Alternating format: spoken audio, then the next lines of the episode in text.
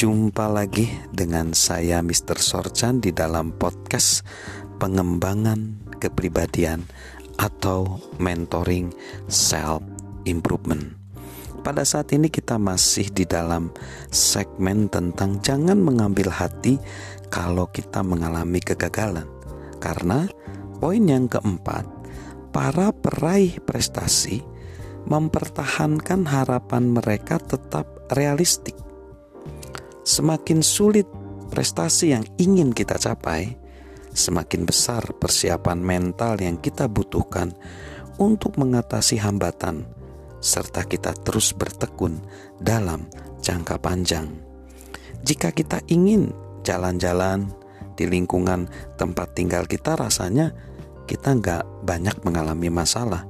Namun, jika kita ingin jalan, jika ingin berniat mendaki puncak Gunung Everest, misalnya, wow, tentunya dibutuhkan waktu yang lama, upaya yang keras, serta kemampuan-kemampuan untuk mengatasi kemunduran. Kita harus menjalani setiap hari dengan harapan yang masuk akal dan tidak membiarkan perasaan kita terluka jika segalanya ternyata tidak sempurna. Coba perhatikan kejadian ini. Suatu hari terjadi pembukaan pertandingan bisbol pada tahun 1954. Tim Milwaukee Braves dan tim Cincinnati Reds saling berhadapan. Dan dalam pertandingan itu ada seorang pemula di masing-masing tim yang membuat debutnya dalam liga utama. Pemula dalam tim Reds memperoleh empat doubles dan membantu timnya menang dengan skor 98. Pemula dalam tim The Braves memperoleh skor 0 dari 5. Pemula dari tim Reds adalah Jim Greengrass yang mungkin belum pernah orang-orang Amerika dengar namanya.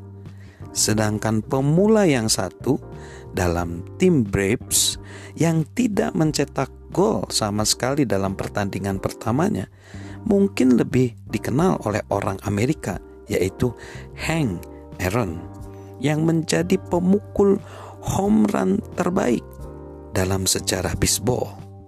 Seandainya harapan Aaron dalam pertandingan pertama itu tidak realistis, siapa tahu mungkin saja ia meninggalkan dunia baseball. Sudah pasti. Ia tidak senang dengan prestasi hari itu karena dia cuma nol. Namun ia tidak merasa pecundang. Ia telah bekerja keras begitu lama. Ia tidak mudah menyerah karena dia tahu bahwa prosesnya masih panjang. Yang kelima, para peraih prestasi memfokuskan perhatian pada kekuatan-kekuatan mereka.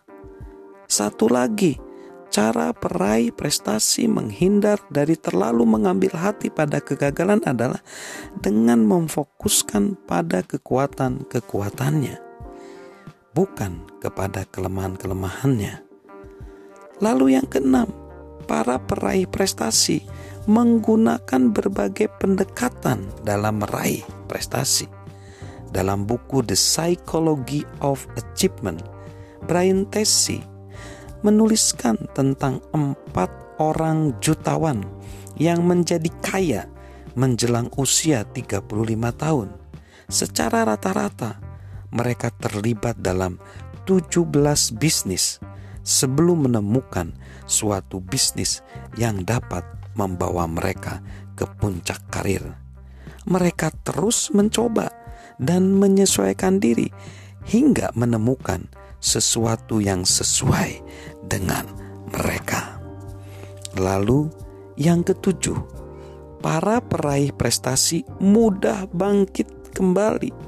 Semua peraih prestasi memiliki kemampuan untuk mudah bangkit kembali setelah membuat kekeliruan, kesalahan, atau kegagalan. Psikolog Simone Carothers mengatakan, hidup adalah serangkaian hasil. Terkadang hasilnya sesuai dengan keinginan Anda. Hebat. Cari tahulah apa yang Anda lakukan dengan benar. Terkadang hasilnya tidak sesuai dengan keinginan Anda. Tidak apa. Cari tahulah apa yang telah Anda lakukan agar tidak mengulanginya lagi. Itulah kunci untuk kita mudah bangkit kembali. Para peraih prestasi dapat terus maju meski apa pun yang terjadi, dan itu menjadi mungkin untuk dilakukan karena mereka ingat bahwa kegagalan tidaklah membuat mereka menjadi pecundang. Tak seorang pun seharusnya mengambil hati pada kegagalan. Begitulah cara kita keluar dari kegagalan.